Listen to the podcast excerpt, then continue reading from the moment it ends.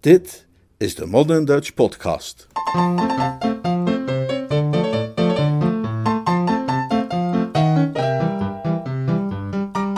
Jeeves is uniek. Een verhaal uit de pseudoroman The Inimitable Jeeves van P.G. Woodhouse, vertaald en voorgelezen door Leonard Beuger.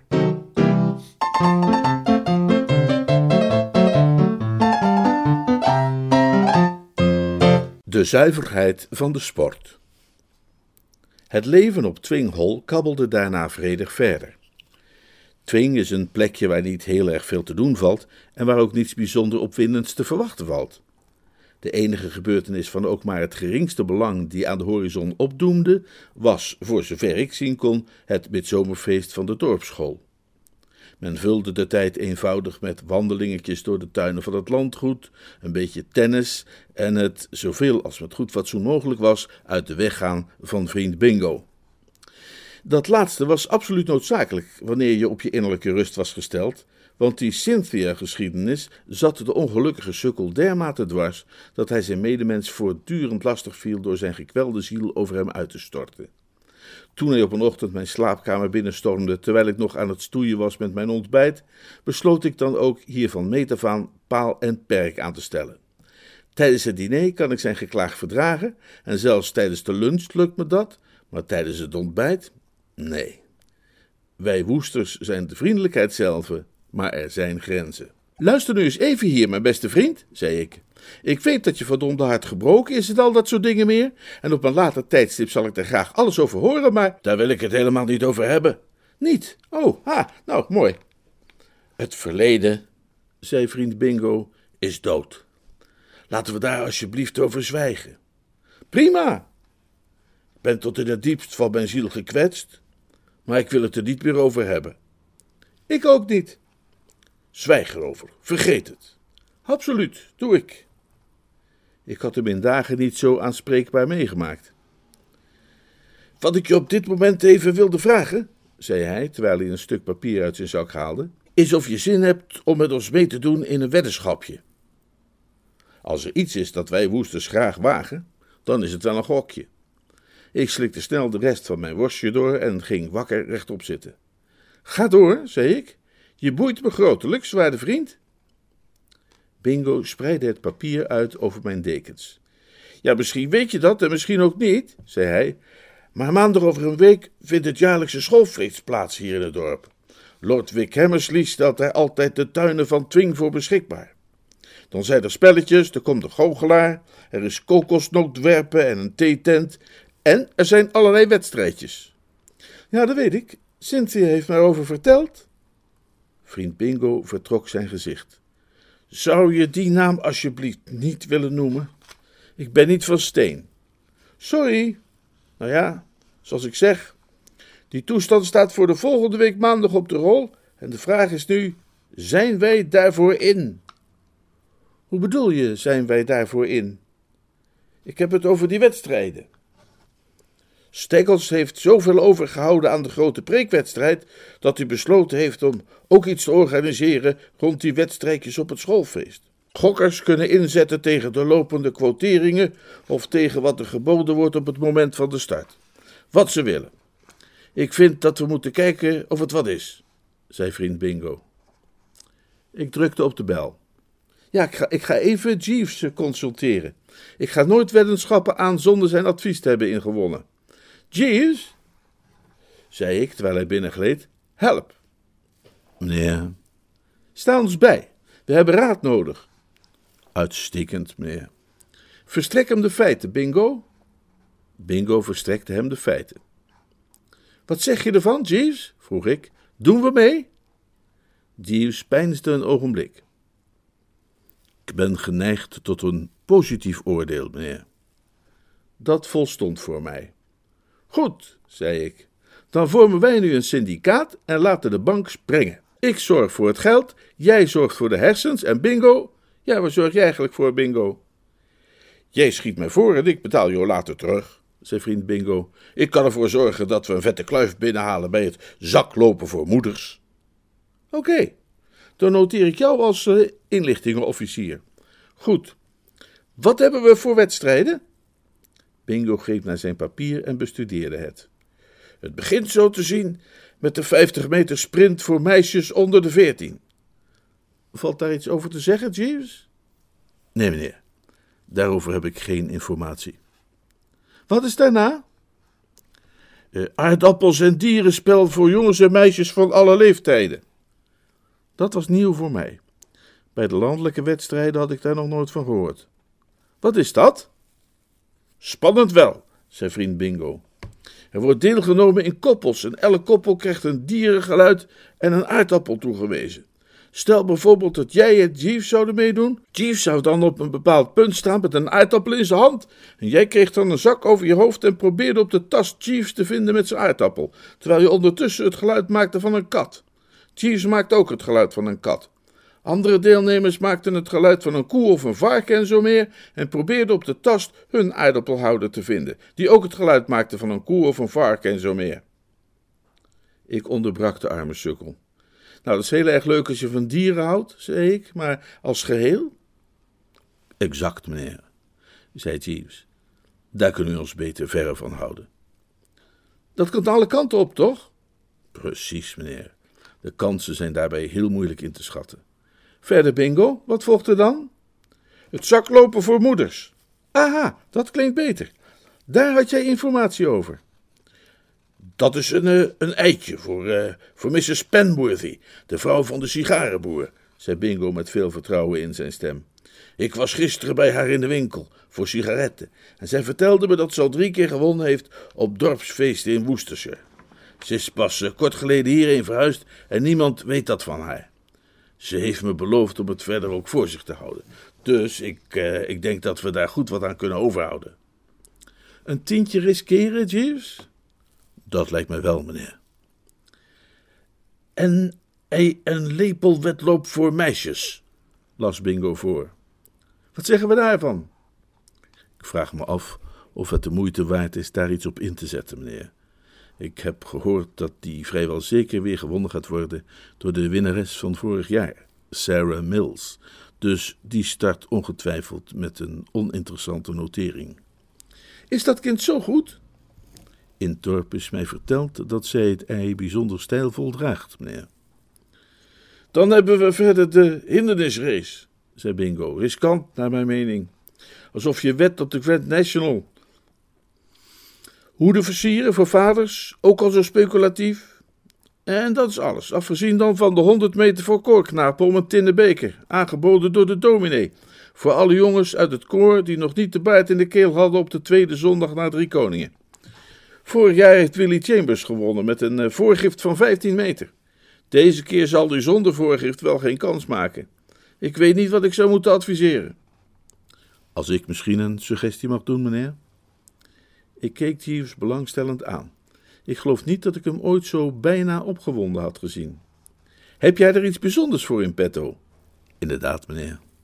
Iets spectaculairs? Zo mag het wel worden omschreven, meneer.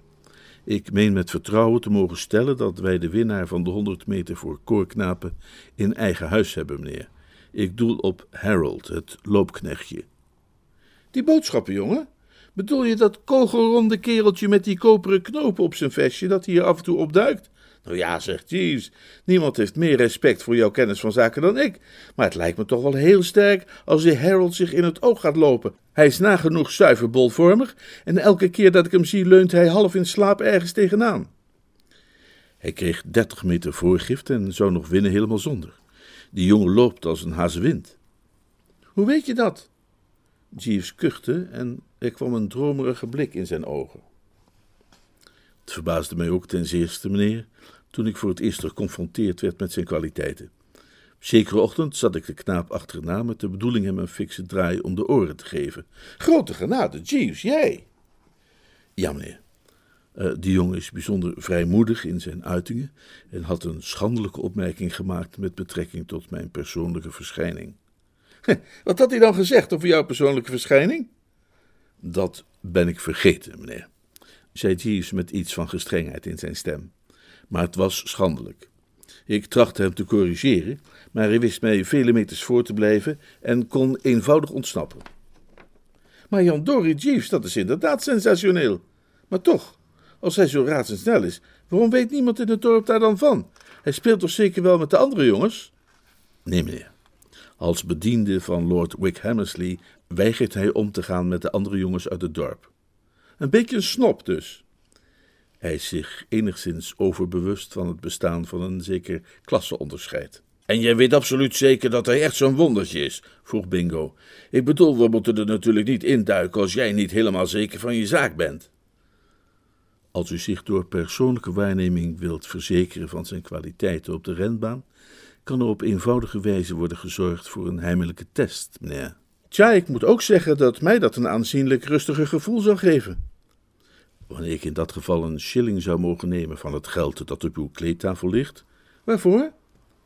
Met behulp daarvan zou ik de jongen willen overhalen iets onaardigs te zeggen over het scheelkijken van de tweede huisknecht Charles, die op dat punt nogal gevoelig is, meneer. En Harold ongetwijfeld verdergaande uitspraken zal weten te ontlokken. Wanneer u over een half uur aan het raam in de gang op de eerste verdieping zou willen staan, dat uitziet over de achterdeur? Ik heb me nog nooit zo snel aangekleed. Normaal gesproken ben ik wat je zou kunnen noemen een trage en zorgvuldige aankleder. Ik neem ruim de tijd om de das te strikken en let erop dat de broek precies goed zit, maar deze ochtend was ik daar te opgewonden voor. Ik trok mijn kleren achteloos over de ledematen en stond een kwartier te vroeg met Bingo voor het raam. Het gangraam keek uit over een soort wijde, geplaveide binnenplaats, die na zo'n twintig meter eindigde bij een boogpoort in een hoge muur.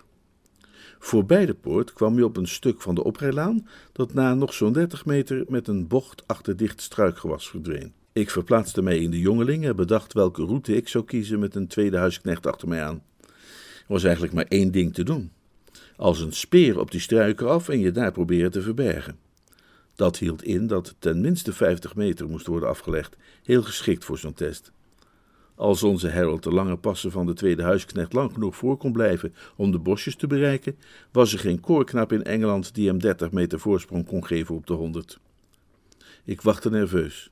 Het leek wel uren te duren, maar toen klonk er buiten plotseling een verward geluid en schoot er iets ronds, blauws en vol koperen knopen door de achterdeur naar buiten en flitste in de richting van de poort als een ongetemd paard.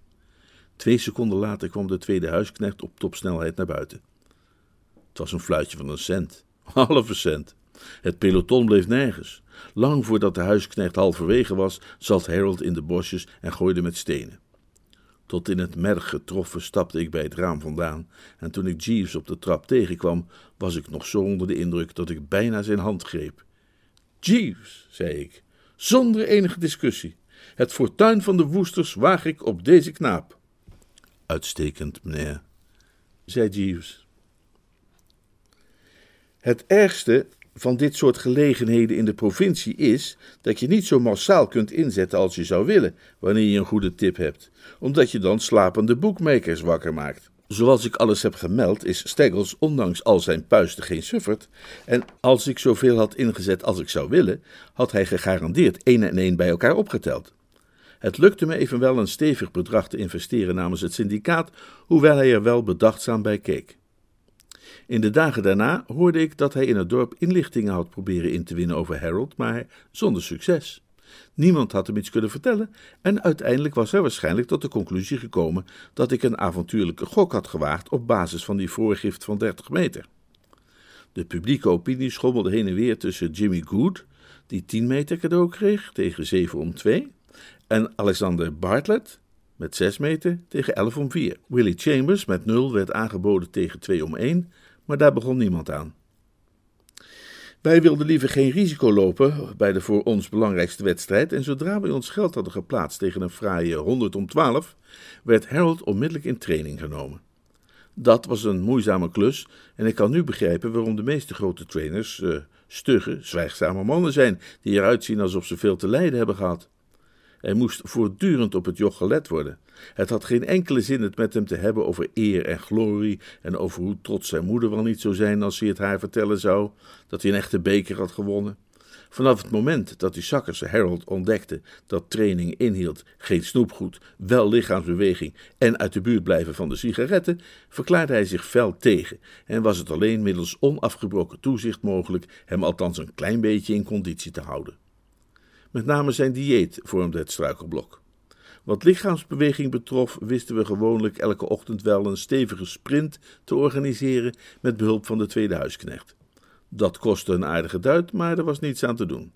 Maar ja, als zo'n knulletje alleen maar hoeft te wachten tot de butler even ergens mee bezig is om in het butlerkamertje op rooftocht te kunnen gaan, of uit de rooksalon een handvol van de beste Turkse sigaretten weg te grissen, dan wordt een beetje training een lastig klusje.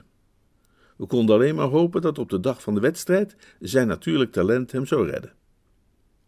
Maar toen kwam vriend Bingo op een avond van de golfbaan terug met een verontrustend verhaal. Hij had er een gewoonte van gemaakt Harold iedere namiddag wat bescheiden lichaamsbeweging te bezorgen door hem als caddy te gebruiken. In het begin leek hij het grappig te vinden, de arme sukkel. Hij schudde buikte van pret toen hij aan zijn verhaal begon. Moet je horen, dat was erg leuk vanmiddag, zei hij. Je had Stekkels gezicht moeten zien. Stekkels gezicht? Hoezo? Toen hij zag hoe onze Harold er van doorsprintte, bedoel ik. Ik werd vervuld met het angstig voorgevoel van een gruwelijke dreiging. Goeie hemel, je hebt Harold toch niet in het zicht van Stekkels laten hardlopen? Bingo's mond viel open van schrik. Ah, daar heb ik helemaal niet aan gedacht, zei hij droevig. Het was ook niet mijn schuld. Ik speelde een rondje met Stekkels en daarna gingen we in het clubhuis even iets drinken. Harold lieten we buiten met de clubs. Toen we na een minuut of vijf weer buiten kwamen, stond het knulletje op het grind slagen te oefenen met Stekkels driver en een steen. Toen hij ons aan zag komen, liet hij de club vallen en was als een bliksemschicht achter de horizon verdwenen. Stekkels was absoluut verbijsterd. En ik moet zeggen dat het zelfs voor mij een openbaring was. Dat knulletje liet zich absoluut van zijn beste kant zien. Vervelend natuurlijk op een bepaalde manier, maar bij nader inzien denk ik niet dat het wat uitmaakt, zei Bingo, opklarend. Wij staan geboekt tegen een prima notering. We schieten er niets bij in als bekend wordt hoe goed hij is. Zijn quotering zal nu natuurlijk wel veranderen, maar ons raakt dat niet meer. Ik keek Jeeves aan en Jeeves keek mij aan. Het raakt ons wel degelijk als hij helemaal niet aan de start komt. Inderdaad, meneer. Heel juist. Wat bedoel je? vroeg Bingo. Ik ben bang, zei ik, dat Stekkels zal proberen hem uit te schakelen voordat de reis begint. Goeie hemel, daar heb ik helemaal niet aan gedacht. Bingo verbleekte. U denkt toch niet dat u dat echt gaat doen? Ik denk dat hij het in elk geval serieus gaat proberen. Stekkels is een slecht mens. Van nu af aan, Jeeves, moeten wij Harold met een haviksoog in de gaten houden. Zonder meer, meneer. Onafgebroken waakzaamheid, ja toch? Precies zoals u zegt, meneer. Jij bent zeker niet bereid om bij hem op de kamer te slapen, Jeeves? Zeker niet, inderdaad, meneer. Nee, zou ik ook niet zijn als het erop aankomt. Maar potverdrie, wat laten wij ons op stang jagen? Zo verliezen we de moed en dat mag niet gebeuren. Hoe zou Steggles onze Harold trouwens te grazen kunnen nemen, zelfs als hij dat zou willen? Maar Bingo viel niet meer op te vrolijken. Hij is zo'n type dat altijd meteen de duistere kant van de dingen ziet, als dat ook maar enigszins mogelijk is. Er zijn allerlei manieren om een favoriet een spaak tussen de wielen te steken, zei hij met een stem als uit de sterfkamer. Dan moet je maar eens een paar van die renbaanromans lezen. In Dood aan de Start weet Lord Jasper Mauleverer op een haar na Bonnie Betsy uit te schakelen, door de stalknecht om te kopen en een cobra in haar stal los te laten in de nacht voor de derby. Hoe schat jij de kans in dat Harold door een cobra wordt gebeten, Jeeves? Die is gering, ben ik geneigd te denken, meneer. Bovendien zou in een dergelijk geval, daar ik de knaap van zeer nabij ken, mijn zorg voornamelijk uitgaan naar de slang. Goed, maar toch onafgebroken waakzaamheid, Jeeves? Zeer zeker, meneer. Ik moet zeggen dat in de dagen daarna onze vriend Bingo mij wel een beetje de keel ging uithangen. Het is natuurlijk prima dat iemand die een potentiële winnaar in zijn stal heeft een zekere zorgvuldigheid betracht, maar naar mijn mening overdreef Bingo dat wel heel erg. Het denkvermogen van die sukkel bleek volkomen geperverteerd te zijn door een overmaat aan goedkope renbaanlectuur. En in dat soort verhalen, voor zover ik eruit op heb kunnen maken, komt geen paard ooit aan de start zonder dat er minstens een dozijn pogingen is gedaan om het dier op een of andere manier uit de weg te ruimen of anderszins onschadelijk te maken. Hij verloor de ongelukkige Harold geen seconde uit het oog en bleef aan hem plakken als een kleefpleister. Was natuurlijk wel heel belangrijk voor de arme sukkel om goed wat over te houden aan die wedstrijd, want dankzij dat geld zou hij zijn bijlesbaantje kunnen opzeggen en terugkeren naar Londen. Maar hoe dan ook had hij mij echt niet tot twee keer toe s'nachts om drie uur wakker hoeven te maken. De eerste keer om te zeggen dat wij het eten voor Harold zelf zouden moeten koken om vergiftiging te voorkomen. En de tweede keer om te melden dat hij vreemde geluiden had gehoord tussen de struiken. Maar hij maakte het volgens mij echt te bond toen hij erop aandrong dat ik de kerkdienst zou bijwonen op zondagavond, daags voor het schoolfeest. Waarom is hemelsnaam? vroeg ik. Ik was al nooit zo'n liefhebber geweest van de vesperdienst. Omdat ik zelf niet kan. Ik ben al niet hier. Ik moet morgen naar Londen met de kleine Egbert. Egbert was de zoon van Lord Wick Hammersley, het joch dat Bingo les moest geven. Hij gaat logeren ergens in Kent en ik word geacht hem op de trein te zetten op Charing Cross Station. Heel vervelend. Ik kan niet voor maandagmiddag terug zijn. Het is zelfs zo dat ik de meeste van die wedstrijden niet eens kan meemaken naar ik verwacht. Alles hangt dus van jou af, Bertie. Maar waarom zou wie dan ook van ons naar die vesperdienst gaan? Sukkel, Harold zit in het koor, dat weet je toch wel? Nou en? Als hij struikelt over een hoge noot en zijn nek verdraait, dan kan ik dat toch niet verhinderen, als dat is waar je bang voor bent. Hé, hey, idioot, Stekkels zingt ook in dat koor. Die zou best na de dienst eens iets smerigs kunnen uithalen. Wat een onzin. Oh ja? Vroeg onze vriend Bingo. Nou, laat ik je dan vertellen dat de schurk uit Jenny het jockeymeisje op de avond voor de grote wedstrijd de jongen had ontvoerd die de favoriet zou bereiden en die de enige was die het paard begreep en ermee overweg kon. En dat als de heldin zich niet in een rijkostuum had verkleed en ja, ja, ja, het is goed. Maar als er enig gevaar dreigt, dan lijkt het me toch eigenlijk het eenvoudigste dat Harold zondagavond gewoon niet meezingt. Maar hij moet meezingen. Jij schijnt te denken dat dat duivelse joch een monument is van rechtschapenheid en door iedereen geliefd. Maar hij staat van alle jongens uit het dorp het meest ongunstig bekend. Hij heeft een reputatie van likmevestje. Hij heeft zo vaak gespijbeld van het koor, dat de dominee tegen hem heeft gezegd dat als het nog één keer gebeurt, hij hem eruit gooit. Wij zouden raar staan te kijken als hij op de avond voor de wedstrijd werd gedisqualificeerd. Tja, onder die omstandigheden was er natuurlijk niets anders te doen dan toch maar te gaan. De avonddienst in een plattelandskerkje heeft iets waardoor een mens zich soezerig en vredig gaat voelen. Een soort einde van een volmaakte daggevoel. De oude Heppenstal stond op de preekstoel en hij heeft zo'n bepaalde, regelmatige, blatende manier van spreken die de gedachtenvorming ondersteunt. Men had de deur opengelaten en in de lucht hing de gemengde geur van bomen en kamperfoelie en schimmel en de zondagse kleren van dorpsbewoners. Zover als het oog reikte, zag men zwaar ademende boeren ontspannen leunend in rustgevende houdingen, en de kinderen van de gemeenteleden, die tijdens het eerste deel van de plechtigheid hadden zitten draaien en friemelen, lagen nu achterover in een voldaan soort van coma. De laatste stralen van de ondergaande zon vielen door de gebrandschilderde ramen, vogels kwetterden in de bomen, de jurken van de vrouwen ruisten zachtjes in de stilte. Vredig. Dat is waar ik heen wil. Ik voelde mij vredig. Iedereen voelde zich vredig. En het was daarom dat de explosie, toen die kwam, klonk alsof het einde der tijden daar was. Ik noem het een explosie omdat dat was waar het op bleek toen hij uitbarstte. Het ene moment hing er een dromerige stilte in het gebouw, alleen verstoord door de oude heppenstal, die sprak over de plicht tegenover onze naasten. En toen plotseling een soort doordringende, krijsende gil, die je precies tussen de ogen trof en door het ruggenmerg omlaag trok tot onder je voetzolen.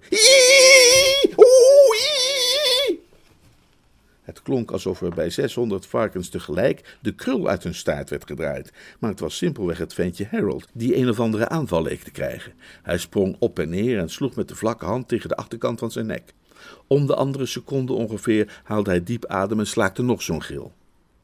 Tja, dat soort dingen kun je natuurlijk niet maken midden onder de preek tijdens de vesperdienst, althans niet zonder het nodige commentaar. De gemeente werd met een schok uit zijn trance gewekt en klom op de bank om het beter te kunnen zien. De oude heppenstal hield midden in een zin op en draaide zich om. Een stel kerkwachters of suisses stelden als luipaarden door het middenpad naar voren, grepen de nog altijd gillende Harold in de kraag en voerden hem af. Ze verdwenen in de sacristie. Ik greep mijn hoed en haastte mij naar de artiesteningang, een en al ongerustheid. Ik had geen idee wat er nu eigenlijk gebeurd was, maar ik kon niet anders dan vermoeden dat op een of andere duistere manier de hand van de duivelse Steggles hierachter stak. Tegen de tijd dat ik daar was en iemand zover had gekregen om de deur voor me open te doen, die op slot zat, was de dienst kennelijk afgelopen. De oude heppenstal stond te midden van een kudde koorknapen en kosters en Suisses en wat al niet, en gaf die ellendige Harold de wind van voren op niet mis te verstane wijze. Ik van binnen aan het slot van wat een behoorlijk pittig betoog moest zijn geweest. Bliksemse jongen, hoe durf jij? Ik heb een gevoelige huid. Dit is niet het moment om het over jouw huid te hebben. Maar iemand heeft, heeft een beest in mijn nek gestopt, een kever. Onzin. Ik, ik voelde hem kriebelen. Flauwekul. Een beetje een mager verhaal, vind je ook niet? vroeg iemand naast mij. Het was die verdomde Steggles, gekleed in een hagelwitte superplie of albe of hoe ze het noemen mogen, die mij met een uitdrukking van ernstige bezorgdheid op zijn gezicht op cynische wijze glashard en zonder met zijn ogen te knipperen regelrecht in het gelaat blikte. Heb jij die kever in zijn nek gestopt? riep ik uit. Ik? vroeg Steggles. Ik? De oude Heppenstal maakte zich op voor het ultieme vonnis. Ik geloof geen syllabe van jouw smoesjes, jij bliksemse jongen. Ik heb jou al eerder gewaarschuwd en nu ben je echt te ver gegaan. Jij bent vanaf nu geen lid meer van mijn koor. Maak dat je wegkomt, jij akelig kind. Steggles trok mij aan mijn mouw. In dat geval, zei hij, ben ik bang dat jij het geld dat je op hem hebt ingezet kwijt bent, beste kerel. Jammer dat je voor de lopende koers had gekozen en niet voor de quotering aan de start. Dat laatste is toch altijd een stuk veiliger. Althans, dat vind ik hoor. Ik wierp hem een enkele blik toe. Geen heel vriendelijke, uiteraard. En dan hebben ze het over de zuiverheid van de sport, zei ik. En dat mocht van mij hard aankomen, Jan Dori. Jeeves incasseerde het bericht dapper, al denk ik dat hij onder het oppervlak toch wel moest zijn aangedaan. Een vindingrijk jongmens, die Mr. Steggles, meneer. Een verdomde oplichter, zul je bedoelen? Dat is wellicht een meer exacte omschrijving, inderdaad. Anderzijds gebeuren deze dingen nu eenmaal in de sport en lijkt het zinloos daarover te klagen. Ik wou dat ik jouw zonnige kijk op de dingen had, Jeeves. Jeeves neeg vriendelijk het hoofd. Het ziet er naar uit, meneer, dat wij dan nu vrijwel geheel afhankelijk zijn van de prestaties van Mrs. Penworthy. Wanneer zij de lofprijzingen van Mr. Little bewaarheid en werkelijk klasse toont in het zak lopen, zullen onze winst en verlies juist in evenwicht blijven. Ja, maar het is wel een schrale troost wanneer je erop gerekend had stevig te winnen. Het is nog juist mogelijk, meneer, dat wij ons uiteindelijk toch aan de goede kant van de streep bevinden. Eh, voordat Mr. Little vertrok, heb ik hem weten over te halen namens het syndicaat waarin u zo vriendelijk bent geweest mij te laten deelnemen, een klein bedrag te investeren in zaken de ei- en lepelwedloop voor meisjes. Op Sarah Mills? Nee, meneer. Op een outsider met een hoge quotering. De kleine Prudence Baxter, meneer, de dochter van Lord Wick Hammersley's oppertuinman.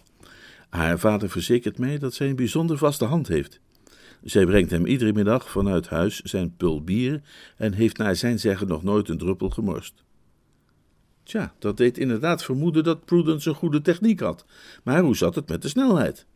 Met ervaren mededingers als Sarah Mills aan de startlijn leek het toch praktisch een klassieker te worden, en bij dat soort grote wedstrijden is snelheid van het allergrootste belang. Ik besef dat het hierbij om een waagstuk gaat, meneer, dat ik desondanks verstandig acht. Je hebt ook op haar ingezet voor de tweede en derde plaats natuurlijk. Ja, meneer. Zowel dat als om te winnen. Tja, dan zit het wel snor, denk ik. Ik kan me niet herinneren dat jij ooit een flater hebt begaan. Dank u zeer, meneer. Ik moet zeggen dat normaal gesproken mijn idee van een plezierige middag inhoudt dat ik zo ver mogelijk uit de buurt probeer te blijven van het schoolfeest van de gemiddelde dorpsschool. Een slaapverwekkende bedoeling. Maar met zulke belangrijke zaken in het verschiet, als u begrijpt wat ik bedoel, zet ik mijn vooroordelen bij deze gelegenheid opzij en draafde persoonlijk op. Het was, zoals ik had verwacht, om nogal jeuk van te krijgen. Het was een warme dag en de tuinen van de hol vormden een dichte en vrijwel vloeibare massa boerenvolk. Talloze kinderen wurmden zich daar tussendoor. Een daarvan, een of ander klein meisje greep mijn hand en bleef zich daaraan vastklemmen terwijl ik mij een weg baande door de menigte in de richting van waar het zakloppen voor moeders zou plaatsgrijpen. We waren niet aan elkaar voorgesteld, maar zij leek te menen dat ze tegen mij zo goed als tegen elk ander wel kon babbelen over de lappenpop die ze had gegrabbeld uit de grabbelton. Het was een onderwerp waar ze nogal uitgebreid op inging. Ik zal de Gertrude noemen, zei ze. En dan ga ik haar elke avond uitkleden en in bed stoppen. En dan maak ik haar s'morgens weer wakker. En dan kleed ik haar weer aan. En dan stop ik haar s'avonds weer in bed. En dan maak ik haar de volgende morgen weer wakker. En dan kleed ik haar weer aan. Ja, ja, beste kind, zei ik. Ik wil je niet opjagen en al dat soort dingen meer, maar eh, misschien kun je je verhaal wat korter houden. Ik wil graag zien hoe deze wedstrijd afloopt. Het fortuin van de Woesters hangt er min of meer vanaf, begrijp je wel? Ik doe straks ook aan een wedstrijd mee, zei ze. Dat was tenminste een normale conversatie, waarin vooralsnog geen sprake was van poppen. Oh ja, zei ik. Ik was niet erg bij met mijn hoofd, als u begrijpt wat ik bedoel, en probeerde ondertussen door wisselende kieren te gluren in de dichte menigte.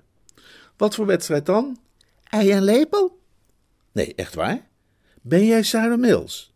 Nee, beklemtoonde ze laatdunkend. Ik ben Prudence Baxter. Dat bracht de verhoudingen tussen ons uiteraard op een volstrekt ander niveau. Een loper uit eigen stal. Ik moet zeggen dat zij niet echt uitzag als een snelheidsmonster. Ze was een klein, dik propje. Niet wat je noemt lekker in conditie, volgens mij. Zeg, zei ik, in dat geval zou je niet hier in de warme zon moeten blijven rondhuppelen en je krachten verspillen. Je moet je energie een beetje sparen, mijn beste kind. Ga even lekker in de schaduw zitten. Ik wil helemaal niet zitten. Nou ja, doe in elk geval even rustig aan. Haar aandacht dwaalde naar een heel ander onderwerp, als bij een vlinder die fladdert van bloem tot bloem. Ik ben lief, zei ze. Vast wel, ja, en ik hoop dat je goed bent in ei- en lepelrennen. Harold is stout. Harold heeft hard gegild in de kerk en nu mag hij niet naar het schoolfeest komen. Dat vind ik fijn, vervolgde dit sieraad van haar geslacht en trok zedig haar neus op. Want Harold is een stoute jongen. Toen het vrijdag was, heeft hij aan mijn haar getrokken. Harold mag niet naar het schoolfeest. Harold mag niet naar het schoolfeest. Harold mag niet naar het schoolfeest. Zing, zegde ze. Ze maakte er een heel liedje van. Ja, wrijf het zout alsjeblieft maar niet in de wonden, mijn beste tuinmansdochter, pleitte ik. Je weet het natuurlijk niet, maar je treft daar een pijnlijk onderwerp. Ah, woester, beste kerel. Dus jij hebt vriendschap gesloten met deze jonge dame. Het was de oude Heppenstal. Hij straalde als een zonnetje, helemaal het middelpunt van het feest. Geweldig vind ik dat, mijn beste woester. Echt geweldig, zoals jullie jonge lieden je kennelijk zo helemaal betrokken voelt bij deze kleine festiviteit van ons. Oh, is dat zo? Jazeker. Zelfs Rupert Staggles. Ik moet toegeven dat mijn mening omtrent Rupert Staggles hedenmiddag aanzienlijk en in gunstige zin is veranderd. Die van mij niet, maar dat zei ik niet hardop. Ik heb Rupert Staggles, tussen ons gezegd en gezwegen, altijd beschouwd als een sterk egoïstische jongeman en allerminst iemand die moeite zou willen doen bij te dragen aan geluk en welzijn van zijn medemens. Maar juist hem heb ik in het laatste half uur tot tweemaal toe Mrs. Penworthy, de brave vrouw van onze tabakshandelaar, naar de theetent zien begeleiden. Ik liet hem daar eenvoudig staan. Ik bevrijdde mij uit het kleverige grijphandje van het meisje Baxter en repte mij zo snel als ik kon naar de plek waar juist op dat moment de finish was van het zaklopen voor moeders. Ik had het gruwelijke voorgevoel dat er opnieuw vuiligheid aan de knikker was. De eerste die ik daar tegenkwam was vriend Bingo. Ik greep hem bij zijn arm. Wie heeft er gewonnen? Ik weet het niet, ik, ik heb er niet op gelet. Er klonk bitterheid in zijn stem. Mrs. Penworthy was het in elk geval niet, potverdorie. Bertie, die hond van een Staggles is niet meer of minder dan een van de meest valse slangen. Ik weet niet hoe hij van haar gehoord heeft, maar hij moet op de een of andere manier te weten zijn gekomen dat ze gevaarlijk was. Weet je wat hij heeft gedaan? Vijf minuten voor de wedstrijd heeft hij dat ellendige mens meegelokt naar de theetent en haar zo boordevol thee en cake geladen dat ze al na twintig meter moest opgeven. Ze rolde gewoon om en bleef daar liggen. Nou ja, godzijdank hebben we Harold nog. Ik gaapte de arme stumper aan. Harold, heb jij dat dan niet gehoord? Gehoord. Bingo's gezicht nam een teergroene kleur aan. Wat gehoord? Ik heb niks gehoord. Ik ben hier pas vijf minuten. Ik kom regelrecht van een station. Wat is er gebeurd? Vertel op. Ik bezorgde hem de informatie. Een ogenblik staarde hij mij op een akelige manier aan. Daarna slaakte hij een holle kreet, wankelde van mij weg en loste op in de menigte. Het was natuurlijk ook een harde klap voor de arme kerel. Ik kon hem niet kwalijk nemen dat hij er zo van overstuur was. De arena werd nu in orde gebracht voor de ei- en lepelwedren. Nu ik er toch was, wilde ik wel even kijken hoe het afliep. Niet dat ik veel hoop had. De kleine Prudence mocht dan een gezellige prater zijn. Op snelheid was ze echt niet gebouwd. Voor zover ik het door de menigte heen kon onderscheiden, verliep de start prima. Een klein roodharig meisje nam dadelijk de leiding met een sproetig blondje als tweede. Sarah Mills nam het gemak de derde plaats in. Onze kandidaat streefde moedig voorwaarts te midden van het peloton dat ver achterbleef bij de kopgroep. Het was niet moeilijk om zelfs zo vroeg in de wedstrijd te zien wie er ging winnen. De gratie en geroutineerde precisie waarmee Sarah Mills haar lepel hanteerde, vertelden hun eigen verhaal. Ze ontwikkelde een goede snelheid, terwijl haar ei niet eens wiebelde. Ze was herkenbaar een van nature begaafde ei- en lepelrenner. Ware klasse verloochent zich niet. Op dertig meter van de streep struikelde het roodharige kind over haar eigen voeten en smakte haar ei op de grond. De sproetige blondine vochtte dapper, maar raakte halverwege het rechte stuk duidelijk uitgeput. Sarah Mills ging haar voorbij en kwam met meerdere lengte voorsprong in een nette draf over de finishlijn. Een gevierd winnares. Het blonde meisje werd tweede. Een snotterend kind in een blauw geruit jurkje won de strijd om de derde plaats van een in roze gekleed juffertje met een onnozel rond gezichtje. En Prudence Baxter, Jeeves' onwaarschijnlijke gokje, werd vijfde of zesde, dat kon ik niet precies zien. Ik werd door de menigte meegevoerd naar de plek waar de oude Heppenstol de prijzen zou uitreiken. Ik kwam er naast de vreselijke stekkels te staan. Hallo, beste kerel, zei hij, vrolijk en zelfs wat uitbundig. Het is voor jou een slechte dag geweest, ben ik bang. ik keek hem aan met stil verwijt. Geheel aan die sukker verspild natuurlijk. Het is voor niemand van de grote spelers een geslaagd evenement geweest, trouwens, ging hij verder. Die arme Bingo Little is stevig onderuit gegaan bij de ei- en lepelwedren. Ik had eigenlijk geen praatje willen maken met die akelige kerel, maar dit maakte mij even aan het schrikken. Hoe bedoel je stevig onderuit? Wij, uh, hij, hij had maar een klein bedragje ingezet. Nou, ik weet niet wat jij een klein bedragje noemt, maar hij had dertig piek ingezet op dat kind van Baxter. Het landschap begon voor mijn ogen rond te draaien. Wat? Ja, dertig pond tegen tien om één. Ik dacht dat hij iets gehoord moest hebben, maar kennelijk toch niet. De wedstrijd is keurig volgens de voorspellingen verlopen. Ik probeerde een en ander in mijn hoofd uit te rekenen. Ik was nog druk bezig de verliezen van het syndicaat te besommen, toen uit de verte de stem van de oude Heppenstol vaag tot me doordrong. Die stem had heel vaderlijk en ontspannen geklonk bij het uitreiken van de prijzen voor de andere wedstrijden, maar had nu plotseling iets heel gekwelds en bedroefds gekregen. Hij liet een bezorgde blik over de menigte gaan.